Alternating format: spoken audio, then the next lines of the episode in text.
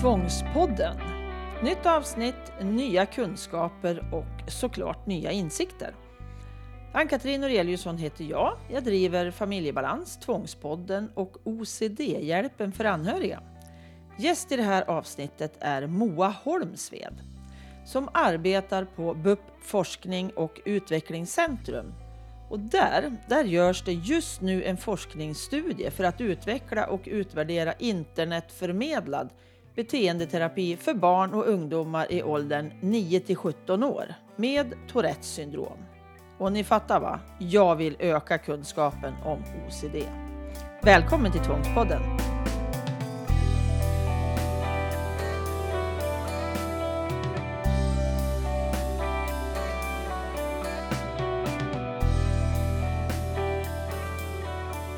Hej Moa!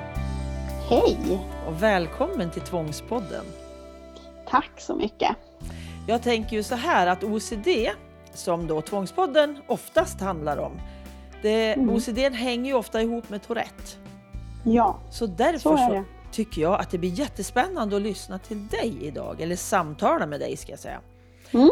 Först vill ju jag då att du berättar lite om dig själv. Vem är Moa Holmsved? ja det är en bra fråga. Mm. Nej, men jag är ju då psykolog och jobbar på ett ställe som heter BUP Forsknings och Utvecklingscentrum som ligger i Stockholm. Mm. Och vi är en BUP-enhet som består av flera olika mottagningar kan man säga. Bland annat så har vi en specialistmottagning som, eh, där vi behandlar barn och ungdomar med OCD och relaterade tillstånd. Bland annat Tourette. Då. Mm. Eh, Du har pratat med min kollega Frida Wickberg därifrån Just tidigare. Mm. Och sen så har vi också, eh, vi har, vi har faktiskt flera, ganska många olika mottagningar, men vi har en mottagning som heter Mottagningen för barninternetprojekt. Och där jobbar jag framför allt. Mm. Och det är en mottagning där vi genomför olika forskningsstudier. Eh, där vi håller på med internetbehandling och forskar på det för en mängd olika tillstånd. Mm. Och jag jobbar ju då framförallt i ett projekt där vi utvärderar internetbehandling för barn och ungdomar med tics, som till exempel vid Tourettes syndrom. Mm. Mm. Mm. Jättespännande. Ja, det tycker ju vi med. Precis, och tack och lov för att det finns så många idag som är intresserade av det här området som jag också då brinner för. Ja, Just tvång och närliggande diagnoser tycker jag är jätte, jätteviktigt. Att det har kommit, det har ju hänt jättemycket tycker jag sista åren bara.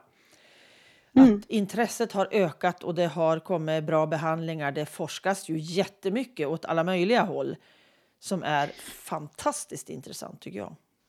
ja, men så är det absolut. Och det är lyxigt också att jobba på ett sådant ställe där vi genomför mycket forskning. Ja, men jag förstår ju det. Förstår Mm. det. Så internetbaserat är då det här arbetet som ni gör nu, eller ni tittar på den internetbaserade behandlingen av tics. Precis. Mm. Mm. Vi utvärderar och försöker kolla om det är något som fungerar eller inte. Mm. För det vet man inte sedan innan. Nej. Hur länge har ni hållit på? Vi har nu hållit på i två år så vi är faktiskt precis nu på sluttampen. Okej. Eh, så vi, tanken är att det är 220 barn och ungdomar mellan 9 och 17 år som ska få vara med och prova sån här behandling för tics på internet. Och nu Mm. har vi 217 så det är bara tre kvar. Okej. Sen, är vi, sen är vi klara faktiskt. Mm. Då kommer det en Mm. rapport om det här då så småningom. Det är tanken. Mm. Ja, Härligt. flera till och med kan det bli. Oh, tack. Vad bra, vad bra. Mm. Men först så tänker jag så här. Tourette. Hur Mm. kan det se ut och vad är det och det här? Ska vi ta Ja. det först? Ja men det är väl ett bra ställe att eh, börja på Mm. och prata om det. Och jag tänker så här, för Tou- Tourette det handlar ju om att man har motoriska och vokala tics. Mm. Så att för, att för att verkligen förstå vad det är så tänker jag att vi kanske till och med ska börja prata om vad tics är för Ja men någonting. exakt. Precis. Jättebra. Eh, så kommer jag in lite mer sen på vad exakt eh, Tourette är för någonting. Mm.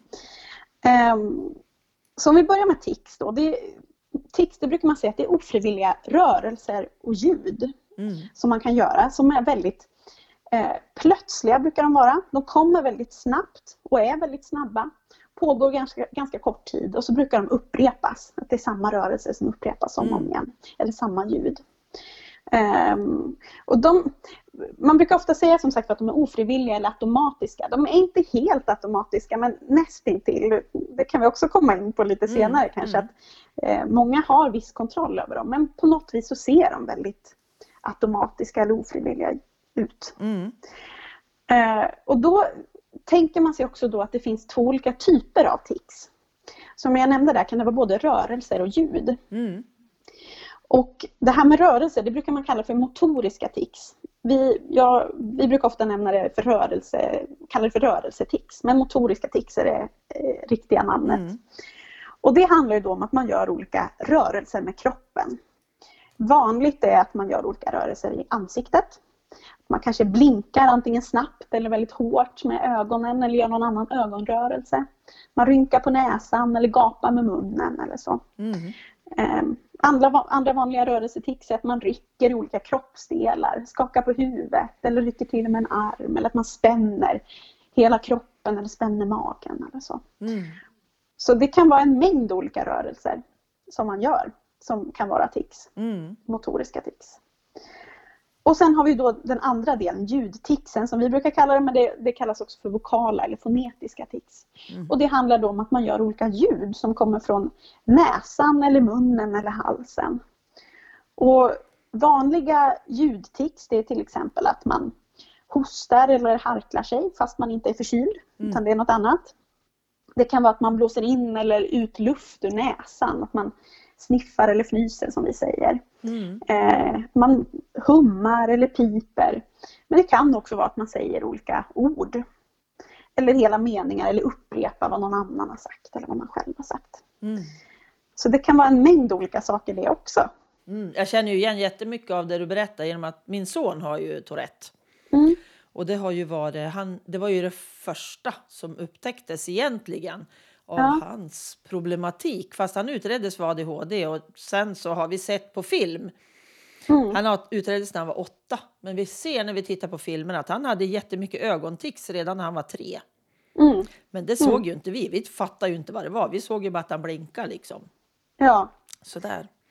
Det känner jag igen från många föräldrar som ah. brukar, när de kommer till oss så säger de att Nej, men nu inser vi att det här har funnits med eh, länge. Men mm. det, det, tar ofta ett tag innan man börjar tänka på det som tics. Ja men precis, för det stör ju inte liksom oftast om Nej. det bara är rörelser.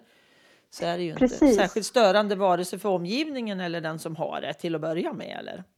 Nej, om det är sådana där små rörelser. som, och särskilt små, lite yngre barn också, de brukar inte lägga märke så särskilt ofta till att de gör de här ticsen.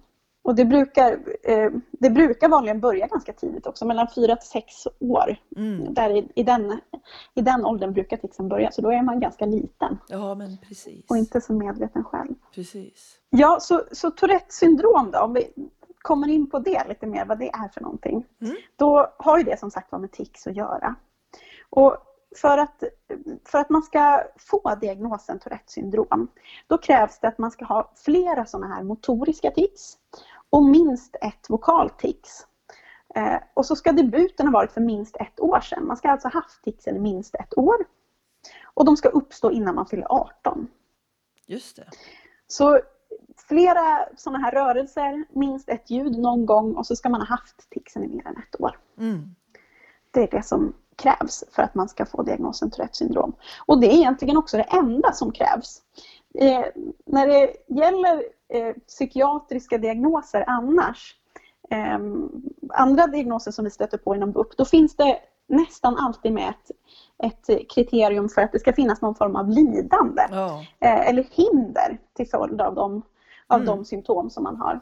Men så är det faktiskt inte med Tourettes syndrom. Okay. Det krävs inte att man störs av ticsen eller att de ställer till det på något sätt i livet. Okay. Så det är lite speciellt med just ja, Tourettes syndrom faktiskt. Verkligen. Mm. Nej, men det har jag tänkt på. Om man, man jämför ibland kan det vara svårt att dra gränsen tycker jag mellan, mellan tvång och Tourette eller OCD och Tourette. Men, men just det där med lidandet är ju väldigt stort och behövs ju, eller vad ska jag säga behövs, men alltså det ska ju ingå vid eh, diagnos för OCD. Mm, men precis. ändå är de ju så svåra att skilja åt. Alltså exakta linjen går ju nästan inte att dra ibland tycker jag. Men hur, hur tänker du där? Nej men jag håller helt med. Det går inte att dra en exakt linje där. och det är ju också väldigt vanligt att om man har, om man har Tourette att man också har OCD. Mm. De hänger ofta ihop och Mm. kommer samtidigt. Och sen finns det ju vissa rörelser eller vissa saker som man kan göra där inte ens vi som jobbar jättemycket med det här och träffar jättemånga barn och Mm. ungdomar som har tics eh, och även OCD, där inte ens vi kan veta, är det tics eller är det Nej. OCD det rör sig om. Precis. Eh, så är det. Lite Så de går in i varandra där. Ja, Ja. lite problematiskt tycker jag. För liksom, det är ju så mycket ångest i eh, OCDn. Mm. Det är ju liksom så ångeststyrt. Men när man tittar på ticserna, de kan ju också ge ångest av att det är jobbigt att ha dem. Tänker Ja. jag. Men det behöver Precis. inte vara att jag gör dem för någon, i någon tvångshandling. Liksom. Nej, tvärtom, det ska inte vara det. För då, utan det ska vara något som bara sker. Ja. Sen är det så, det är många som har tics, ehm, de beskriver också någonting som vi brukar kalla för en varningssignal. En förkänning också ett ord som Mm. finns. Att innan ticset kommer, då är det någon slags känsla i kroppen. Mm. Som, det kan vara att, antingen att man beskriver det som en kliande känsla eller som ett tryck. Eh, eller någon annan form av, av känsla i kroppen som gör att man känner att Nej, men nu måste jag göra tixet. Och det är inte att man tänker nu måste jag göra tixet utan Nej, den här nej. känslan liksom eh, skapar tixet och så gör man tixet och då brukar den här känslan försvinna en kort stund ofta. Och sen Mm. kommer den tillbaka. Medan, och, då, och det är inte en ångestkänsla utan det här är något annat. Mm. Mer en retning kanske man kan kalla det. Mm. Ehm, så det är väl en skillnad kan man säga. Att när det gäller OCD då är det mer, då är det mer den här ångesten inblandat. Mm. Medan barn med, och ungdomar med tics de beskriver mer den här varningssignalen. Då. Ett tryck på något vis. Liksom. Ja, det kan det vara varning. till exempel. Ja. De, det är lite olika ord de använder. Ja. Eh, lite olika hur man uppfattar det. Mm. Och inte alla, det är inte alla heller som märker de här signalerna. Nej. Men man brukar kunna lära sig känna igen dem. Det är inte alla som gör det heller, men de flesta, om man övar sig, så brukar man kunna lära sig. Ja, det är ju jätteviktigt. Ja, för jag tänker på, lite senare ska vi prata lite mer om behandling och sådär. För att jag är ju Mm. lite intresserad av det här, just det här de som har tics som är väldigt skadliga för en själv. Att man, Mm. man, man gör illa sig själv eller man, man liksom gör jättekorkade saker, alltså dumma saker som skadar mig själv på något vis. Alltså det blir Mm. väldigt tokigt. Och jag tänker, Mm. det här är ju jätteviktigt då att man lär sig se eller känna då den här, var startar det någonstans? Precis. Ja. Den är ju jätteviktig för jag tänker att eh, min son nickade en period och hade ju så fruktansvärt ont i nacken och Mm. kunde ju ändå inte låta bli att knycka med nacken som han gjorde. Nej. Och det var ju inte bra för det var mycket tårar av Mm. smärta. Och det vill man ju gärna som förälder se till att det försvinner. Men det här är ju så oerhört många år sedan. Han är ju över Ja. 30 idag. Så det Ja. fanns ju liksom inte så mycket behandlingar och sånt där då. Det var medicin och sen var det Ja. liksom inget mer. Nej. Men just därför tycker jag det är så viktigt att lyfta det idag om det finns möjlighet liksom att hitta behandlingar och sådana former för att man ska slippa just de delarna. Ja men så kan det ju bli och särskilt som du beskriver om man får väldigt ont av det eller att det är någonting som känns jättepinsamt att Mm. göra eller Mm. att det blir jobbigt på något sätt. Då kan man bli jättefrustrerad och känna att nej men så här vill jag absolut inte ha det. Och att det kan leda till, till att man blir ledsen eller får ångest av den anledningen Ja. som du sa också. Precis, ångesten kommer liksom i andra änden på något vis. Ja, precis. sen. Ja. Mm. Så, kan det, så kan det ju vara. Ehm, och där, där har det ju hänt lite saker. Som du, som du har sagt, så det finns ju medicin. Mm. Det är inte det vanligaste att man sätter in medicin för barn och ungdomar med tics. Okej. Men, men det förekommer och kanske framförallt om man har sådär väldigt kraftiga tics eller att det är, man får jätteont av det och man behöver, känner att det, det blir ohållbart Mm. och väldigt stor påverkan till följd av ticsen. Då kanske man provar medicin. Mm. Men i första hand, om man pratar behandlingar, det första man brukar göra det är att ge information om tillståndet. Och hur tics fungerar och hur vanligt det är. Och, eh, man får lära sig mer om hur det fungerar helt Mm. enkelt. Mm. Det är det första man brukar göra. Men sen nu, det man, den, om det handlar om psykologisk behandling, om det är så att det här med information inte räcker utan man känner att det behövs något mer. Då är det det som kallas för beteendeterapi som man jobbar med idag. Mm. Um, och det finns lite olika typer av beteendeterapi där kan man säga, som man kan erbjuda. Mm. Eh, och beteendeterapi, det är ju KBT, det är ju samma som vid OCD, alltså kognitiv beteendeterapi. Bara att när det gäller tics, då plockar, plockar man bort den här tankebiten. Det är inte så mycket att man jobbar så mycket med tankar. Nej. Det här K står ju för att det är kognitivt, ja. alltså att man jobbar med tankar. Utan eh, när det gäller tics är det mer fokus på, på själva ticsen, mm. helt enkelt. Kan du beskriva lite, liksom, hur kan det gå till? Har mm. du något, något exempel? Liksom? Ja, men det kan jag försöka göra. Det, eh, det är ju så att med tics, man tänker sig att det har ett neurobiologiskt ursprung. Mm. Det är någonting man föds med. Det är ingenting som händer som gör att man får tics, utan det är någonting man föds med som mm. handlar om hur hjärnan fungerar.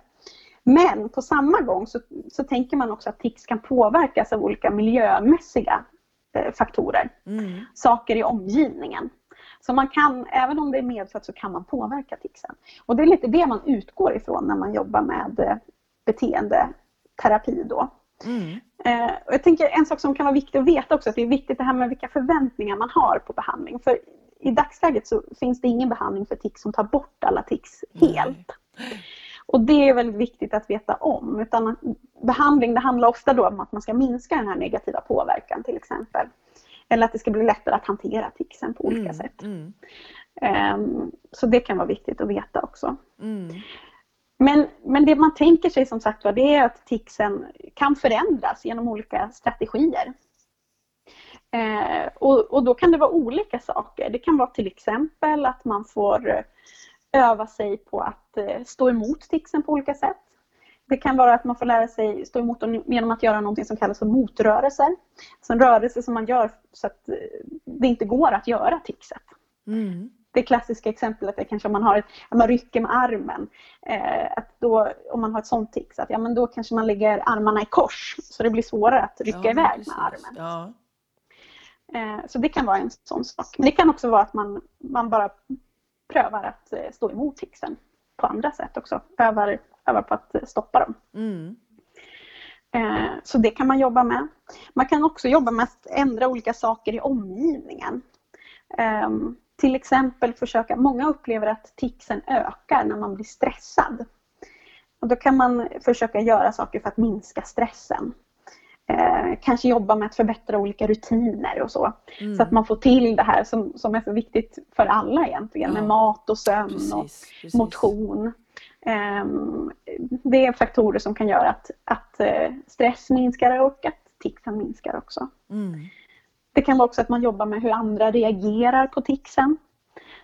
Um, och vilket bemötande man får med ticsen och jobba med, jobba med att uh, kunna prata med andra om ticsen. Mm. Till exempel. Mm. Så det finns lite, lite olika saker man kan göra där och så kanske man får prova sig fram lite och se vad är det som funkar för just dig. Mm. Mm. Men alltså finns det sån behandling ute i landet eller är det bara i Stockholm som det brukar vara? Ja. Hur, hur ser det ut liksom? Hur finns det för, vad finns det för utbildningar för terapeuter för att liksom för, ja. förse oss ute i, i, på sidan om Stockholm om man säger så? Ja, men det är ju en jätteviktig fråga och det är ju faktiskt så att det är en stor anledning också till att vi har gjort den här forskningsstudien nu. Vi vet att det är tyvärr ganska svårt, har vi märkt utifrån de vi har pratat med, att det är svårt att få behandling för sina mm. tics. Mm. Um, vilket vi kan tycka är lite konstigt för det är inte egentligen jättekomplicerade behandlingar det handlar om utan det är, det är ganska enkla strategier man kan få med sig och som, det är ganska enkelt att jobba med det på det sättet. Mm. Men det är, det är rätt svårt och kunskapen är inte alltid så stor om tics. Ja, genom att det eh. inte verkar liksom Många tycker inte att det är så särskilt märkvärdigt. Ja, men lite tics. Och då blir det mm. lite styrmoderligt behandlat tycker jag. För att det här kan vara jättejobbigt för den som har det. Och mm. den ska ha rätt till att få en, en behandling tycker jag. Ja men precis.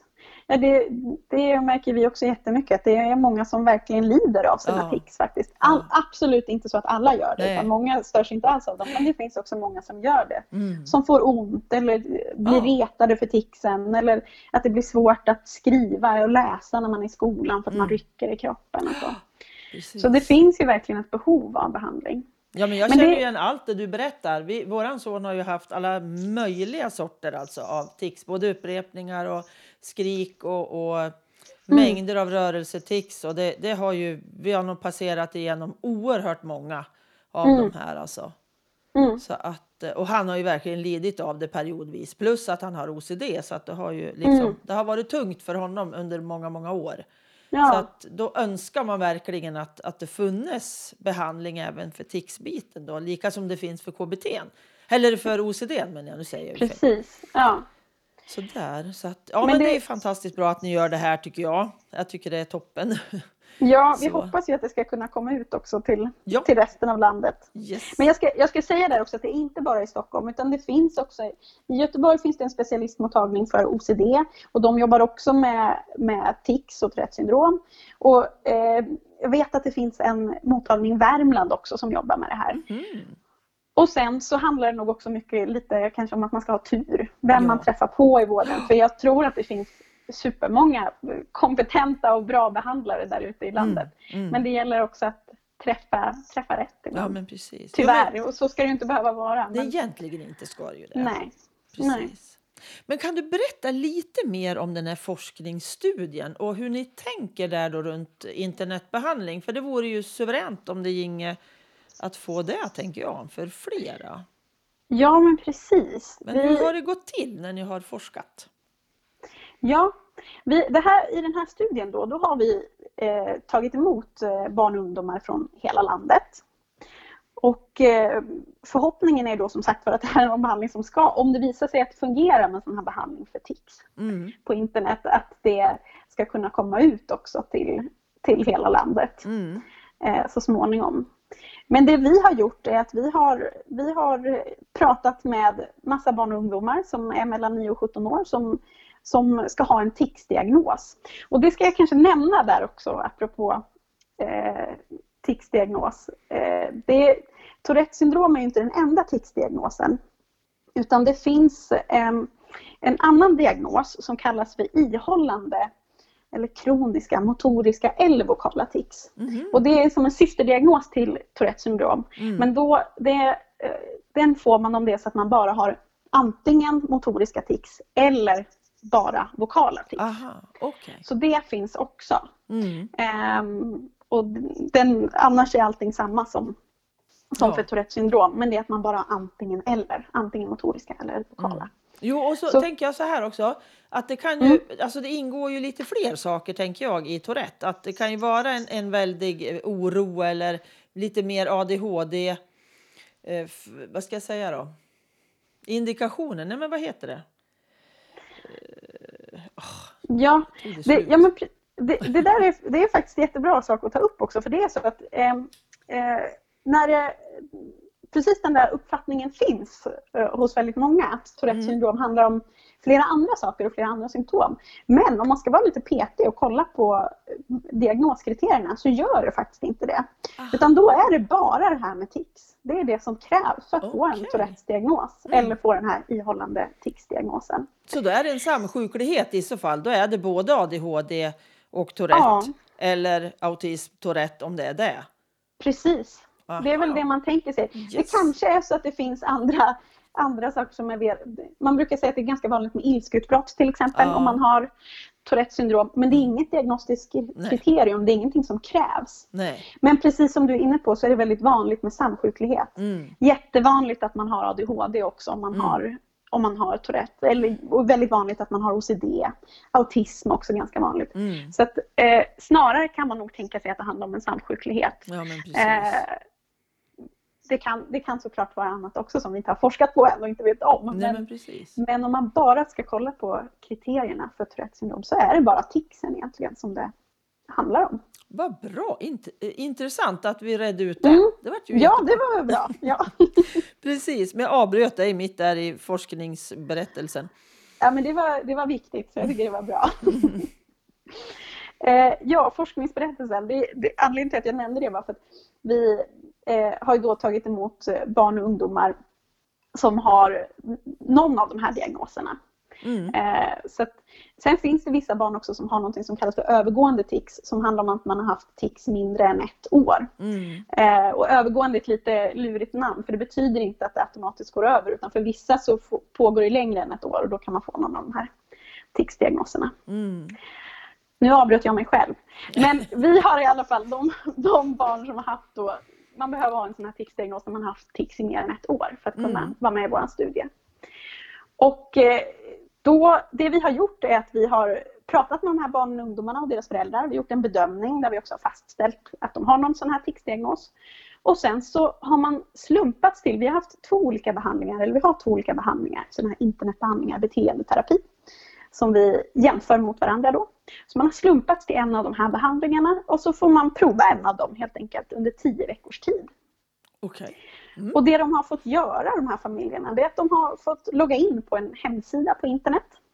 Där de har fått jobba sig igenom tio olika kapitel, kallar vi det för. Eh, där de har fått kolla på olika filmer, läsa texter, de har fått lära sig mer om tics och så har de fått göra olika uppgifter som handlar om tics. Eh, och i båda de här så har de har bestått av en barn och ungdomsdel och sen en föräldradel. Så som förälder har man fått en egen utbildning kan man säga. Där man fått lära sig hur man ska stötta barnet i behandlingen. Mm. Och så har man haft kontakt med en psykolog också som man har kunnat skicka meddelanden till och skriva för att få hjälp eh, med de här uppgifterna. Mm. Så det är det de som har deltagit i studien gjort. De har provat sån här behandling under tio veckor. Och sen så har vi också följt upp dem under, alla som är med följs upp under ett år. Så fyra gånger efter att behandlingen har slutat så pratar vi med dem också för att se hur har det gått? Har det hänt någonting med ticsen? Mm. Har det blivit bättre eller har det inte hänt någonting? Eller har det blivit sämre? Okej. Hur ser det ut? Mm. Och det har vi ju då gjort för att vi så småningom ska kunna eh, utvärdera, använda den här informationen för att se Mm. om internetbehandling för tics är något som fungerar eller inte. Mm. Har, har du något litet sånt där förhands... Eh, vad heter det? För, inte förhandstips heter det, men lite Ja. sådär. Så vi får Förhandsinfo. Veta, info, precis. Förhandsinfo. Har du något sånt? Nej men det är faktiskt så att jag vet inte heller. Attans. Jag är, eftersom jag är med och bedömer och behandlar i studien så är jag också eh, blind kallas det för. Jag får inte Mm, göra sådana här uppföljningar utan jag får inte veta Nej, hur det har gått för dem som har gått i studien. Så Häftigt. jag vet lika lite som ni gör faktiskt. Aj, aj, aj. Mm. Ja, men det blir ju toppen att få höra sen då, liksom när allting sammanställs. Hur, hur lång tid tror du det tar innan? Men ni hade några, det fattades några stycken i... Precis. Ja, Och sen ska de följas upp under ett års tid då. ja just det. Eh, men, ja, ja, men förhoppningsvis så kan det komma något innan dess. Vi har det, det som, när, när det har gått tre månader efter att behandlingen har avslutats, det är det som vi kallar för vår primary endpoint. Så det är då vi kommer samla in, det är då vi kommer göra de stora analyserna kan man säga. Mm. Det är den viktigaste mätpunkten. Mm. Så att eh, det kan vara så att det redan i höst vi har lite spännande data att komma med då. Spännande resultat hoppas vi på. Ja, det får jag hålla mig tills dess då. Ja, Då kanske du får återkomma och berätta lite om eh, vad svaren blev. Eller Ja, liksom vad ni kom fram till. Det kunde ju vara jättehäftigt att få ja, inside information så liksom och få lite hur, hur blev det? ja men När vi nu har exakt. pratat nu. Det skulle ju vara jättehäftigt. Det gör jag jättegärna. Mm. Jag tänker på, på, men om man är vuxen då och har Tourette. Alltså jag har haft det ända Mm. sedan jag var barn och jag sliter som tusan. Vad ska Mm. jag göra nu som, som vuxen? Hur ska, jag, hur ska jag gå tillväga liksom? Kommer jag och kanske också få en OCD, eller OST, vad heter det? Det heter online möjlighet sen när ni Ja. har gjort det här för barnen. Eller är det bara för barn då? När den kommer eller hur blir det tror du? Nej men det är faktiskt så att eh, vi har, man kan säga som ett systerteam på, i Huddinge Mhm. som forskar på OCD och relaterade tillstånd för vuxna istället. Mm. Och de, ska, de är faktiskt här i startgroparna nu och ska starta upp en Hoppas jag nu, så jag inte säger någonting. Men tanken har varit att de ska starta upp en, en liknande studie fast för vuxna istället. Jaha. Ja, Var, var, var är det? Är det på Sydväst? Där? Psykiatri Sydväst? Eller är det? ja men precis. Mm. Eh, Det är Christian Rycks Ja. eh, eh, forskningsteam där som kommer Yes. ha den här studien. Så man kan söka på hans namn så kommer det säkert eh, Ja, men dyka upp. precis. Skulle jag kunna Mm. tipsa min son, tänker jag då. Mm. Som är ett klockrent fall av både OCD och eh, Tourette och lite Mm. mer. Spännande, för det, liksom, det tar ju inte slut för, många, för, för ganska många utan det fortsätter ju upp i vuxen ålder. Och eh, Precis. Ja. det kan vara ganska krävande att ha det här som jag har så svårt att, att styra av. För OCD går ju ändå med den här exponeringen att ta sig igenom och bli Mm. ganska hanterbart. Men ticsen är svårare när jag inte ens har en behandling. Liksom. Jag, har, jag har inte fått veta hur jag ska göra. Nej. Så att, eh, och här på landet så är det ju mycket svårare att få behandling. Ja, Om man inte hittar någon som är jätteduktig på sin psykiatriska mottagning. Då. ja, precis. Sådär. Det där med att ha lite tur. Mm. Nej men så är det ju. Och det, vi, vi brukar säga att eh, för de allra flesta så är ticsen som värst när man är mellan 10 och 12 år, någonstans där. Och för väldigt många så brukar de faktiskt minska rätt mycket i sena tonåren. För vissa så försvinner det till och med helt. Mm. Men som du säger, det finns ju vuxna som har tics också. Det är ju inte bara barn. Även om ticsen ska uppstå i, i, i barndomen för Mm. att eh, det ska räknas som Tourettes syndrom så, så är det ju vuxna som har tics också. Mm. Och där finns det ju också såklart ett stort behov av, av behandling. Ehm, och samma problem där, att det, som du beskriver, att det inte finns alltid tillgång till ticsen. Eh, Nej, till precis. Nej.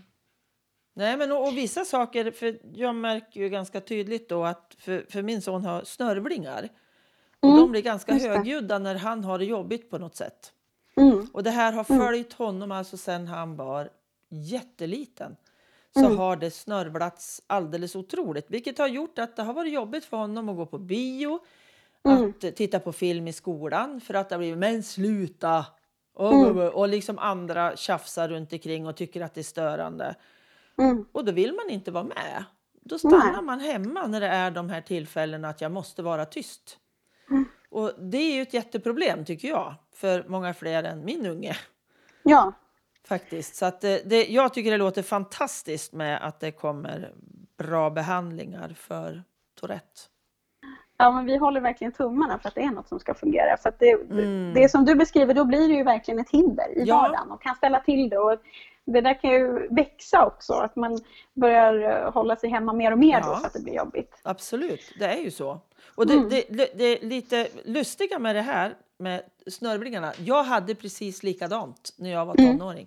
Fortfarande så märker jag att jag snörvlar ibland, men för mig är det liksom inte... Det, det, är, nog, det är nog bara ett sånt där random tics, liksom, att det blir så bara. Men Ja. på någonstans så får jag en känsla av ändå att det finns något samband där mellan mig och min son. Genom att vi har väldigt lika. Men bara i en del, för jag har inga andra grejer som jag gör liksom. Utan Nej. att jag märker det. För jag märker inte ibland när jag snörvlar. Jag, jag hör det efteråt, men nu snörvlar jag nog. Men det är så vant för mig. Och jag har ju gjort det också sen jag var, ja vad kan jag vara då, 10-11 år kanske. Mm. Och folk har ju liksom påpekat, men kan du sluta? Kan du snyta dig istället liksom? Mm. Men det är inte det. Jag, jag vet, till och med, jag bodde i Stockholm i tio år. Så det hände ibland när jag snörvlade på tunnelbanan att jag fick en eh, pappers sån här näsduk Just det. till Ja. tvärs över liksom gången eller så. Och det var jättepinsamt. Då tyckte Mm. jag det var fruktansvärt jobbigt Mm. när det blir så. För att folk tycker man är ganska snuskig ibland när man Ja. sitter där och snorar, tycker ju folk. Va? De tänker Ja. ju inte på... För vet man inte vad det är så kan man ju inte gissa att det är tics. Liksom. Nej men precis. Men det, men det där är ju en viktig poäng också på så sätt att eh, just det där med snörvlande, det är många som får höra det i skolan att men kan du sluta eller om man Mm. sitter och harklar sig. Eller så. Men det är ju precis det där att nej, men om man hade kunnat sluta då hade man ju gjort det för länge sedan. Så det är ju inte kul för någon. Så det där är ju också en, en viktig poäng som vi brukar lära ut. Mm. Och apropå vad kan man jobba med. Mm. eh, men att det kan vara bra att låta bli att kommentera Ja. tipsen. ja. Det, för det, det brukar ofta ha motsatt effekt. Då blir man kanske mer stressad bara om någon frågar hela tiden. "Ah, men Kan du sluta? Och så blir det mer tics istället. ja, risken är rätt stor faktiskt. För då blir Ja. man så påmind själv. Och jösses, nu får jag inte. Mm, Och då trycker det ju på ännu mer. precis. Ja. Men hur är det? När, när våran son då var liten Mm. så eh, sökte ju vi för ADHD först och sen Mm. så visade det sig också när jag läste på att det där var inte bara ADHD utan det var ju tics också Mm. i det hela när jag liksom lärde mig mer om vad ADHD var och sen så uppdagades det att det fanns ju massor med tvång också. Mm. Men då sa de på BUP att det är sällan den som har ticsen själv som tycker att det är jobbigt utan det är omgivningen som reagerar och Mm. tycker att det är en, ja, det snörvlas och låter och skriks och sådär. Mm. Så att omgivningen verkar ju störas mer, i alla fall när det är barn, tänker jag. Ja. ja, men det är inte helt omöjligt att det är så. Det är, så kan det absolut vara och det är många föräldrar som, som jag träffar som pratar om hur de får bita sig i tungan ibland för Mm. att eh, hålla tillbaka det där. Mm. Eh, men jag skulle säga att det är ganska olika också och de, de flesta som, som kommer till BUP då är det oftast för att barnet själv störs. Det är väldigt svårt att jobba med ticsen om det är ett barn som inte själv stör särskilt mycket av dem. Nej, men precis. Eh, utan då, då kanske man får eh, istället jobba lite med föräldrar och prata om hur kan vi göra för att det ska bli mindre jobbigt för dig? Eller, Ja, eller om det är i skolan, att många stör sig där, då kanske det handlar om att man behöver informera andra i skolan, informera de andra eleverna om vad det handlar om. mm. Att nej, men det är inte för att störa eller för att eh, den är förkyld hela tiden, Nej. utan det här är tics och då är det bäst att låta bli att kommentera, för annars blir det bara jobbigare för alla. Mm, mm. Jo, men Mm. alltså information är oerhört viktigt just runt till de som finns runt omkring i skola, Mm. arbetsplatser och vad det är för någonting liksom och föräldrar och mor och farföräldrar och så att det, det är ju jätteviktigt. Information är ju liksom steg ett tycker jag hela Mm. tiden. Att Absolut. vi behöver kunskap för att kunna liksom göra rätt Mm. tycker jag. Så. Verkligen, och kanske extra mycket nu tänker jag med Corona Ja. och allt också. Att Mm. det, det kan ju bli jättejobbigt om man är, ett, man är i skolan eller på en arbetsplats och hostar och harklar sig Mm. och andra blir jättestressade. Att Mm. Nu Mm. kanske det är viktigare än någonsin att informera om att nej, men det här är, det är tics det handlar om, Mm. inte något annat. Nej men Mm. apropå mina snörvlingar då. Jag hade ju jättejobbigt att gå i affärer från början då när, när coronan kom. För folk Mm. blängde ju som gröna på mig. Ja, Och värre Ja. blev jag ju. För då, Mm. då vart jag ju stressad och så kom det liksom mer ändå än vad det kanske gör när jag bara går här hemma själv. mm, Så att det är, jo men det är viktigt med upplysning. Så är det. ja. Men jag tänker på, vi ska avrunda vårt samtal, men jag tänker på, är det något speciellt du skulle vilja säga till föräldrarna till exempel som lyssnar på det här? Vad ska de göra? Hur, hur, liksom, vad, vad är steg ett, tänker du? Ska man ta kontakt med BUP eller ska man läsa på? Eller hur tänker du?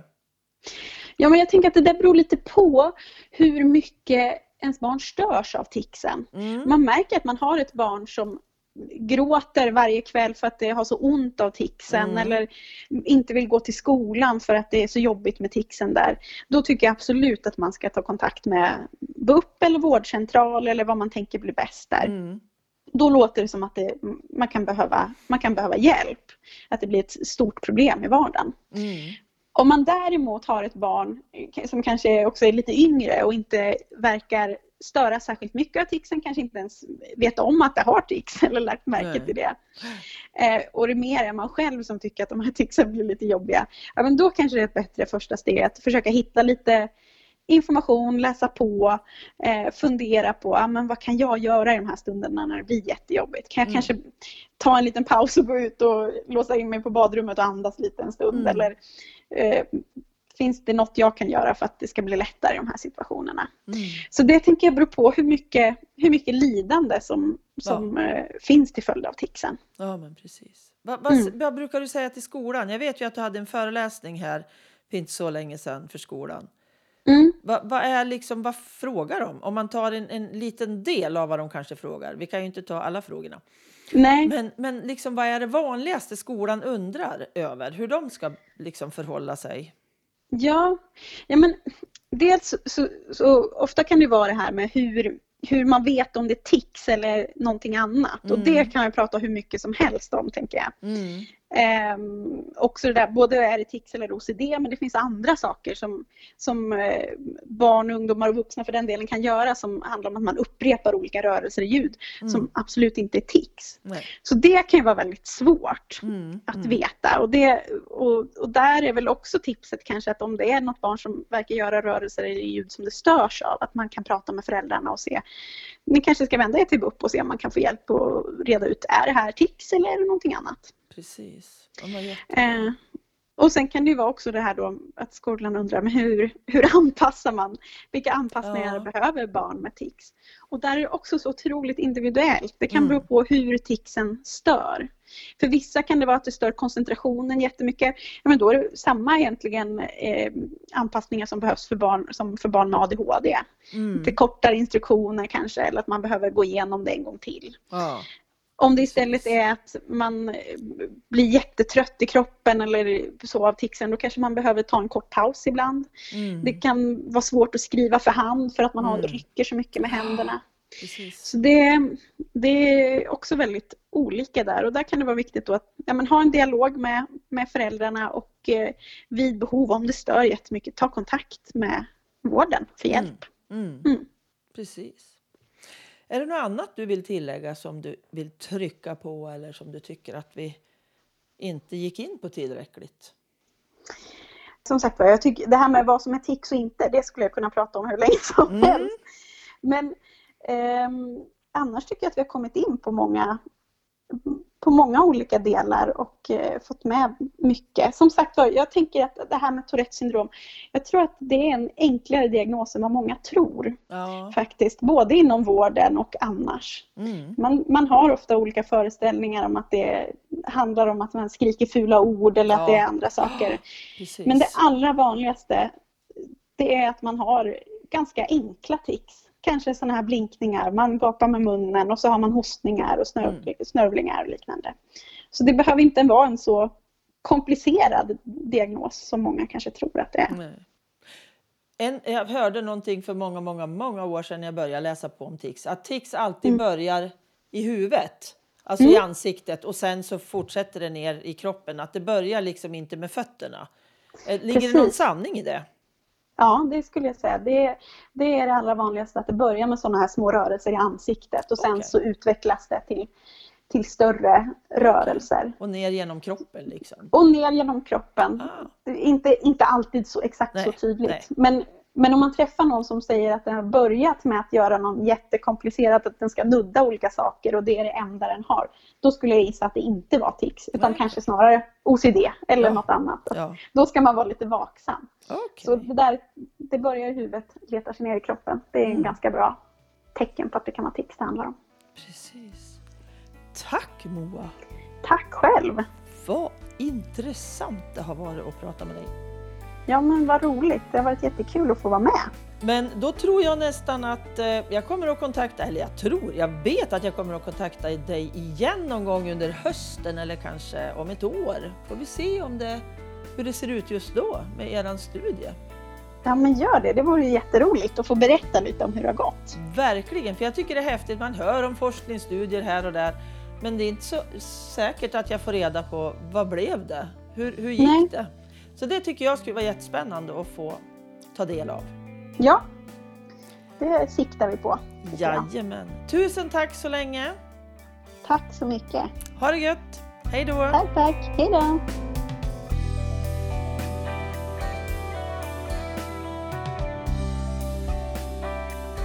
Är du intresserad av OCD-hjälpen för anhöriga? Det är alltså en anhörigklubb för dig som har OCD i familjen. Du anmäler ditt intresse för att få information på familjebalans.se. Tack Anders för redigeringen. Tack Petra Berggren för fotograferingen och tack Pelle Zetterberg för musiken. Hoppas vi hörs igen. Hej då!